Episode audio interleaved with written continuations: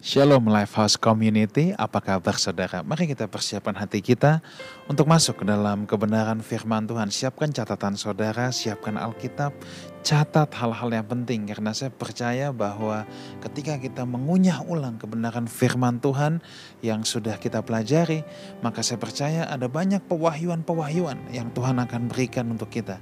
Mari kita datang dengan sikap lapar dan haus akan kebenaran firman Tuhan. Mari kita berdoa. Bapa dalam surga, kami mengucap syukur kami boleh ada sebagaimana kami ada. Semua karena anugerah Tuhan semata. Bapa, bicaralah kepada kami. Kami rindu apa yang menjadi didikan, ajaran, dan nasihat dari Bapa boleh dilepaskan di tengah-tengah kami. Roh Kudus, Engkau guru kami yang maha agung, mengajarlah di tengah-tengah kami. Terima kasih. Dalam nama Tuhan Yesus kami berdoa. Amin. Saudaraku, kita akan diberkati pada kesempatan ini oleh seorang sahabat, seorang hamba Tuhan, seorang gembala juga. Mari kita sama-sama sambut Pastor Samuel Gunawan. Saya persilahkan.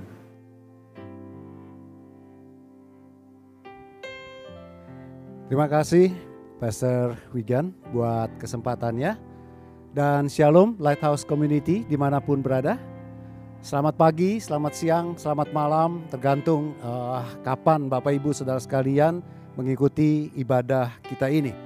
Saya percaya kasih dan kemurahan Tuhan seperti yang tadi Pastor Wigan sudah doakan menyertai Bapak Ibu Saudara sekalian sehingga kita bisa bertemu di dalam ibadah yang diberkati Tuhan ini. Nah, pada kali ini saya ingin membagikan satu tema tentang kalibrasi atau uh, kalibrasi ulang ya dari bahasa Inggris recalibrate. Saya bacakan dulu ya uh, ayat firman Tuhannya yang terambil dari ratapan pasal 3 ayat yang ke-40 yang berkata demikian.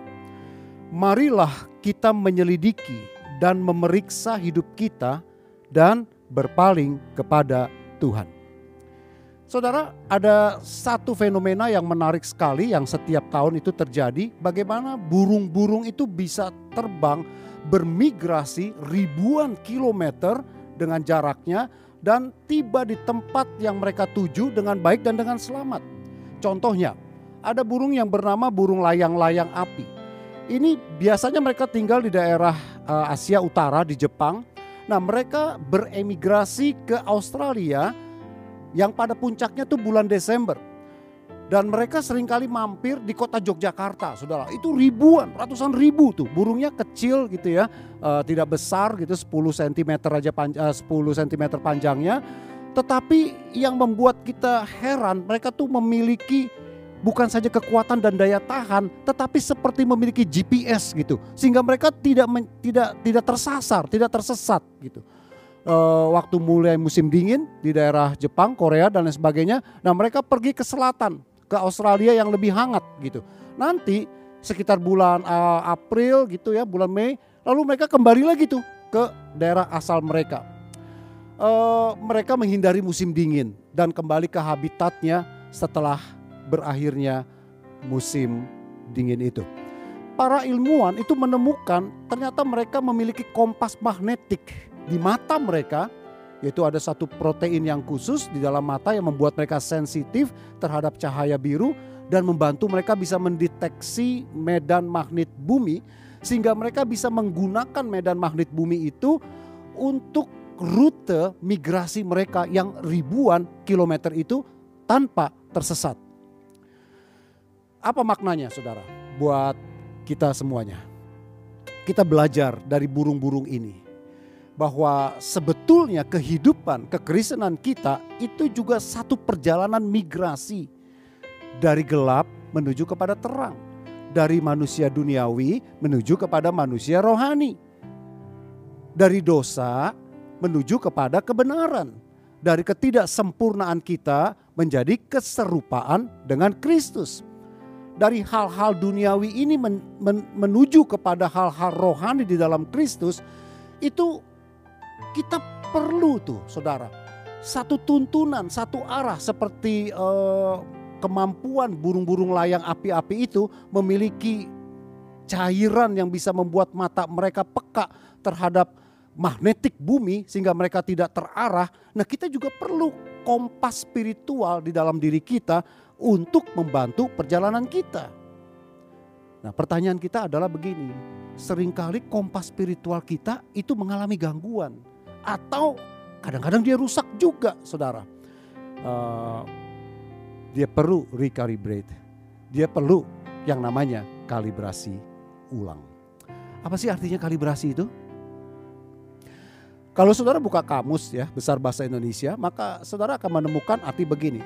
Kalibrasi adalah satu kegiatan untuk menentukan kebenaran nilai alat ukur dan bahan ukur dengan cara membandingkannya dengan standar ukur ke standar nasional atau internasional yang sudah tersertifikasi atau sudah diakui umum bahwa itu benar tujuan daripada kalibrasi itu adalah gini, untuk menentukan apakah ada deviasi atau penyimpangan-penyimpangan. Dan yang kedua tentu untuk menjamin hasil pengukuran itu sesuai dengan standar yang telah ditetapkan. Uh, kalau kita mengendarai mobil lalu kita punya GPS ya di mobil karena kita ingin pergi ke satu tempat yang kita nggak tahu jalannya gimana dan dengan bantuan GPS kita bisa uh, mengikuti arah yang ditentukan oleh GPS itu. Nah seandainya kita menyimpang dari arah yang ditentukan GPS maka GPS itu akan menghitung ulang rute atau reroute yang harus kita lakukan kembali supaya kita bisa sampai kepada tujuan seperti yang GPS itu sudah tentukan semula. Tapi perhatikan ya, kadang-kadang ya, kalau kita memakai GPS dengan sistem yang lama dan kita tidak kalibrasi alat GPS kita, maka dia mencoba mencari jalan dan tempat tetapi sulit untuk kita bisa menemukan tempat itu. Karena ada sesuatu yang tidak proper, tidak berjalan, tidak beroperasi dengan benar dari alat GPS itu. Saudara tahu nggak? Di saat-saat seperti ini nih, pandemi belum selesai. Krisis ekonomi makin menjadi-jadi. Krisis ekonomi diikuti dengan krisis yang lain. Ada ada banyak survei menunjukkan di dalam masa krisis ini terjadi juga krisis keluarga. Banyak keluarga-keluarga menjadi bertengkar, berselisih, konflik terjadi, bahkan sampai kepada tingkat perceraian semakin meningkat. Karena biasanya uh, krisis di dalam keuangan itu merembet saudara ke mana-mana. Keluarga, ke, ke, ke pekerjaan, ke kesehatan, ke hubungan-hubungan, sekolah, wah dan lain sebagainya. Nah saudara di saat-saat seperti ini nih, posisi saudara dan saya sebagai anak-anak Tuhan itu perlu tuntunan. Kita nggak tahu melangkah ke depannya gimana.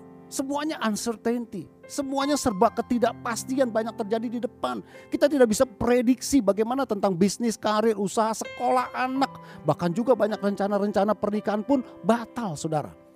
Jadi kita perlu sesuatu apa ya?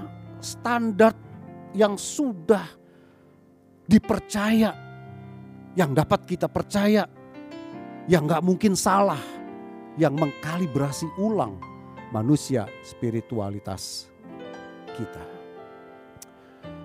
Saudara, uh, saya ingin mengajukan satu pertanyaan yang simple gitu ya. Tapi ini harus kita renungkan saudara ya.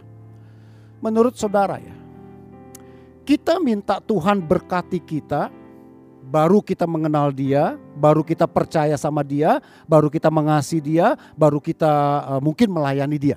Atau kita minta Tuhan bereskan dulu hati kita, pikiran kita yang di dalamnya itu ada motivasi gitu ya, rencana kita, bahkan hidup kita, baru kita minta berkatnya. Jawabannya tentu tergantung sih saudara ya, dari mana sudut pandang kita mengenal kepada Tuhan itu. Tapi hari ini kita ingin mengenal sesuatu yang benar dalam hidup kita. Saya kutip ya kitab Hagai pasal yang pertama ayat yang ke-6 Bapak Ibu tentu sudah sering dengar ayat ini yang berkata begini. Kamu menabur banyak, tetapi membawa pulang hasil sedikit.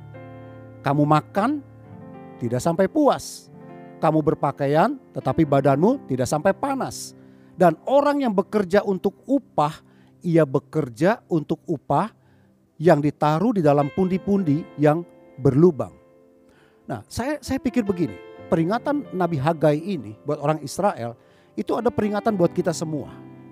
Terutama di masa-masa seperti ini. Peringatan untuk apa? Untuk kita recheck diri kita sendiri. Bahkan juga tentunya manusia, spiritualitas kita yang di dalamnya ada iman tuh, ada pengharapan tuh, ada ketaatan kepada Tuhan itu sendiri. Pertanyaannya bagaimana saya mengkalibrasi ulang perjalanan iman kita? Yang pertama ya, evaluasi di mana posisi saudara dan saya berada saat ini. Cara paling gampang untuk mengevaluasi itu begini. Saudara sudah berusia berapa tahun ini? Ya. Tanyakan kepada diri kita sendiri. Di usia saya yang seperti ini, apa yang perlu saya kalibrasi ulang Tuhan? Pengiringan kita sama Tuhan, iman percaya kita sama Tuhan, keintiman kita sama Tuhan, atau juga mungkin pernikahan kita. Masih seperti dulu? Gregetnya atau tambah jauh, tambah dingin, tambah tawar. Jadi kita perlu kalibrasi ulang hubungan. Istri, suami, orang tua, anak, dan lain sebagainya. Atau juga kita perlu kalibrasi mungkin gaya hidup kita. Ini masa semua serba berubah. Ada mungkin gaya hidup yang gak bisa berubah dalam hidup kita yang membuat kita terperosok makin jauh dan akhirnya kita jadi jadi jadi menyalahkan banyak orang begitu saudara. Kalau menurut saya sih saudara dan saya harus minta Tuhan untuk menunjukkan apa yang perlu dikalibrasi dalam hidup saudara dan hidup saya. Ada seorang uh, misionaris yang bernama John Oswald Sanders uh, pernah berkata begini, I ask myself every three months, Sanders, are you more like Christ than you were three months ago? Are you more loving, more kind, more patient? Saya tanya kepada diri saya sendiri nih, karena Tuhan ingatkan. Samuel, bagaimana dengan keadaanmu pada hari ini dibanding tiga bulan yang lalu, dibanding satu tahun yang lalu? Kamu lebih percaya sama Tuhan di tengah-tengah kesulitan dan krisis ini? Kamu lebih pemurah, kamu lebih uh, banyak kasih, kamu lebih sabar, atau sebaliknya. Tujuan hidup Oswald Sanders adalah semakin hari menjadi semakin serupa dengan Kristus. Dan pertanyaan itu menjadi sangat relevan dalam hidup dia. Saya berpikir, apa yang menjadi tujuan hidup bagi Oswald Sanders itu juga harus yang menjadi tujuan hidup saudara dan saya juga. Sebab segala sesuatu, oh karir, jabatan, kedudukan, bahkan termasuk pelayanan-pelayanan yang besar, semua kok akan kita tinggalkan kok, saudara. Semua cuma kertas-kertas yang pada akhirnya nggak ada artinya, saudara. Tetapi akan ada satu yang nggak pernah kita tinggalkan kan? kasih kita sama Tuhan yang akan kita bawa sampai kehidupan yang kekal. Jadi mari kita yuk kalibrasi ulang. Saya berusia 60 nih tahun ini. Uh, contoh paling gampang aja, waktu itu saya mau ikut vaksin. Dan uh, waktu saya daftar untuk vaksin usia uh, kategori lanjut ya, lansia begitu. Wah bapak masih kurang nih, kurang lima bulan. Belum bisa pak, Loh kenapa? Karena ini buat usia di atas 60 tahun ke atas. Kan saya bilang tinggal berapa bulan lagi. Ya tapi ini peraturan pak. Untung ada satu teman yang mengatakan begini. Oh sekarang itu yang sudah menginjaki lahir tahun 61. Yang belum berulang tahun ke 60 sudah diperbolehkan bisa. Karena sudah bisa dikategorikan lansia usia lanjut. Saya sempat merenung loh saudara. Beda berapa bulan itu tapi menunjukkan satu status yang berbeda. Buat saya ini bukan boleh divaksin atau tidak boleh divaksin. Tapi buat saya begini. Eh usia lansia loh. Di mana posisimu sekarang? Saya sudah menikah, ada tiga anak, tiga menantu, ada tiga cucu. Dan tiba-tiba saya berpikir begini, wih banyak bener nih keluarga nih. Dari sendiri nih. Berdua, bertiga, berenam. Dan sekarang jadi sembilan orang. Banyak kan saudara? Masa sih kita nggak berpikir lebih banyak makin lebih punya hikmat gitu. Memandang kehidupan ini tidak bisa seperti 15 tahun lalu saya memandangnya. Jadi saya harus menentukan posisi saya. Saudara itu baru dari segi usia. Kita belum bergerak dari sisi, sisi yang lain, saudara. Ya, saya ingin mengatakan seperti ini, ya, begini. Karena usia itu akan berjalan terus ke depan. Dia nggak bisa mundur, saudara. Yang akan terjadi adalah begini, penyesalan saja. Kalau kita tidak merencanakan sesuatu yang baik untuk yang ke depan itu. Yang kedua, bagaimana kita mengkalibrasi ulang, buat rencana, dan pergi bersama Tuhan. Perhatikan yang Yesus pernah katakan kepada murid-muridnya di dalam Markus pasal 6 ayat 31 setelah mereka sibuk dalam pelayanan KKR, dia bilang begini, marilah ke tempat yang sunyi supaya kita sendirian dan beristirahatlah seketika. Satu kali saya ada pelayanan ke Pulau Rote, saudara ya. Jadi ini TTS ya, Timur Tengah Selatan, uh, dekat pantai. Nah, uh, ketika kami setelah melayani di uh, Baksos, lalu ada KKR malam uh, di rumah hamba Tuhan, di mana kami menginap di rumahnya. Nah, siang itu dia mengajak saya berdua untuk pergi ke satu tempat saya bilang, ke mana kita pak? Dia bawa gitar saudara. Lalu uh, ke satu tempat persembunyian dia bilang. Wah saya udah mulai tertarik nih. Lalu kita menyusuri pantai, lalu tiba di satu bukit yang tidak terlalu tinggi dan kita menaiki eh, bukit itu dan di situ ada satu gua. Nah gua itu dari depan sampai ke belakangnya tembus gitu ya. Lalu di belakangnya itu pemandangan langsung ke laut lepas India Selatan itu. Lautan Hindia ya dan uh, udaranya baik sekali, sejuk, banyak angin gitu. Dan di pojokan itu dia duduk di situ. Dia bilang begini, Pak, ini tempat persembunyian saya, Pak. Saya ingat dia pakai istilah ini sungai keritnya saya nih. Oh, ngapain Pak? Saya bilang, waduh, saya ini pendatang Pak. Saya bukan dari suku di uh, Timor ini jadi kadang-kadang saya juga kesepian, saya mengalami banyak tekanan, saya uh, tidak tahu banyak berbicara kepada siapa.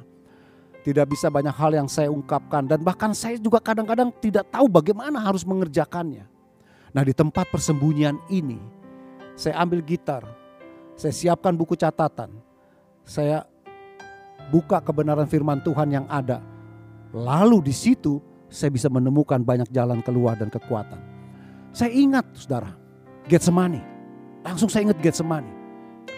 Malam sebelum ditangkap, Tuhan itu mengajak ketiga murid yang dikasihinya ya. Ngapain? Berdoa. Dia pergi menjauh dari ketiga murid itu dengan berpesan, berdoalah bersama dengan aku. Lalu Tuhan Yesus itu berdoa. Saudara tahu ya doanya itu. Nah di tengah-tengah dia berdoa, dia kembali dan melihat para murid murid yang dikasihinya nih, inner circle-nya Tuhan Yesus nih, tertidur. Sampai dia bilang begini, bangunlah. Tidak sanggupkah kamu berjaga-jaga dengan aku satu jam saja? Lalu dia pergi lagi berdoa. Sendirian. Getsemani itu ada tempat pergumulannya Tuhan. Ketika tidak ada orang lagi bersama saudara, mungkin tidak lagi istri, tidak lagi suami, tidak ayah ibu, anak-anak menantu bahkan cucu. Apalagi teman-teman sepelayanan dan saudara sendirian di situ. Maka itulah Getsemani buat saudara dan saya. Itulah persembunyian buat saudara dan saya bersama dengan Tuhan. Kita terlalu banyak bicara sama Tuhan, minta ini, minta itu, mohon ini, mohon itu. Tapi pernahkah kita diam dan menunggu apa yang Tuhan mau sampaikan buat kita? Tuhan Yesus mengajarkan sesuatu yang ayat yang menurut saya sangat indah sekali. Kalau boleh cawan ini lalu daripada aku Bapa. Tapi bukan kendakku, biarlah kendakmu Bapa yang terjadi dalam hidupku. Getsemani adalah satu tempat di mana kita bisa menyerahkan semua keinginan-keinginan dan rencana kita dan menyerahkannya kepada keinginan dan rencana Tuhan. Tidak selalu sama kan apa yang kita inginkan dengan apa yang Tuhan inginkan dalam hidup kita. Nah, saudara perlu penyerahan total di situ. Saudara perlu yang namanya iman di situ. Karena kita harus percaya keinginan dan rencananya Tuhan pasti lebih baik dari keinginan dan rencana kita. Jadi langkah kedua buat satu rencana dan membuat satu rencana itu nggak bisa dengan cuma dasarnya pengalaman, dengan dasarnya textbook, dengan dasarnya apa kata orang.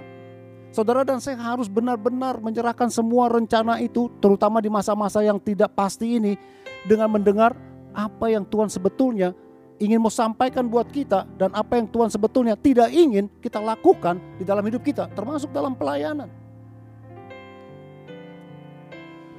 Ambil satu waktu, satu momen. Getsemani bukan cuma bicara tempat, saudara, bukan gua, bukan. Tetapi Getsemani itu berbicara momen-momen khusus di mana kita sendirian bersama dengan Tuhan dan kita menghabiskan di luar gangguan, distraksi apa pun juga.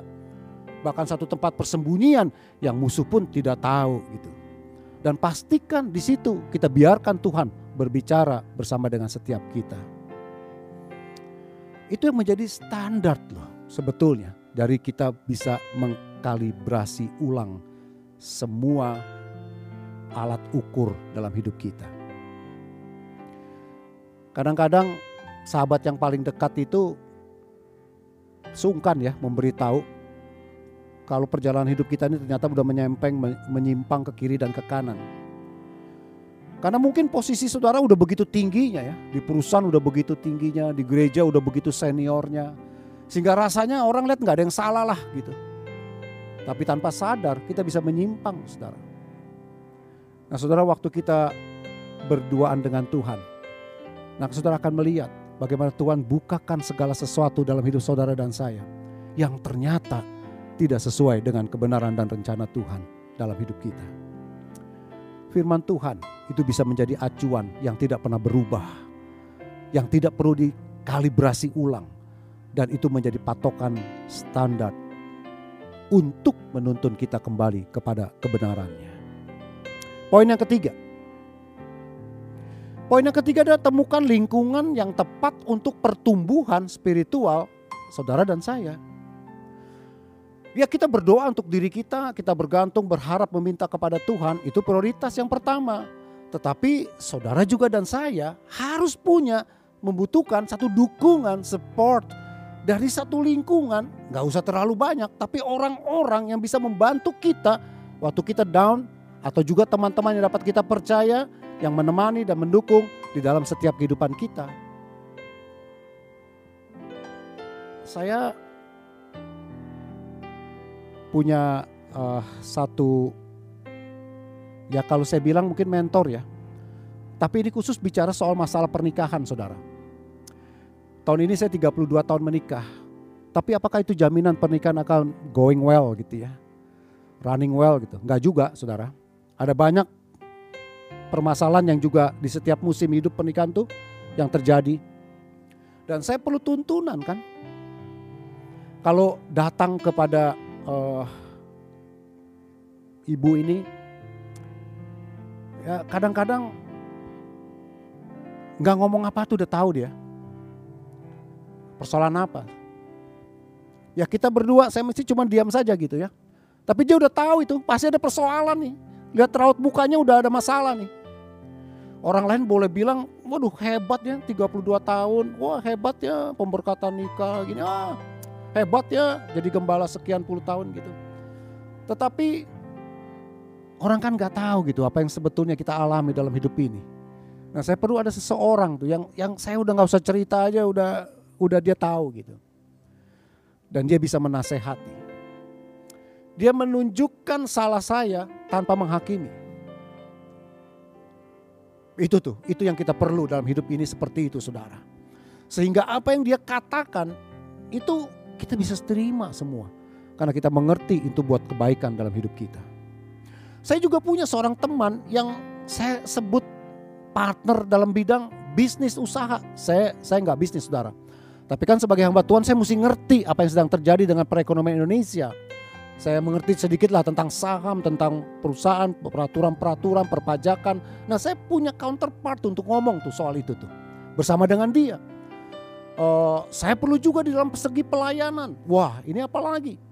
Harus ada banyak uh, senior-senior yang berbicara kepada saya mengenai uh, doktrin, mengenai uh, pengupasan uh, firman Tuhan yang benar tentunya. Saya dengan arahan Tuhan Puman. Kalau enggak kan saya juga enggak nggak tahu bagaimana harus melakukannya. Walaupun saya juga lulus program S2 di dalam teologi. Tapi bukan berarti saya bisa semuanya kan. Karena masalahnya begini saudara. Kadang-kadang ada satu titik uh, blank ya, blank spot di dalam hidup kita. Yang orang lain tahu tapi kita nggak tahu gitu. Nah kita harus bisa mendengarkan orang lain. Kita perlu bantuan dan pendapat orang lain untuk memperingati kita. Yang kalau boleh saya ngomong begini ya, saudara bisa secara terbuka berkata begini. Kelemahan apa sih yang engkau lihat di dalam hidupku yang aku nggak lihat? Menurut engkau kekuatan apa di dalam diriku yang harus aku kembangkan lagi? Dan kalau dia bicara sama saudara, sekalipun nggak enak, tapi saudara bisa terima dan saudara bisa mau berubah. Kesimpulan kita apa?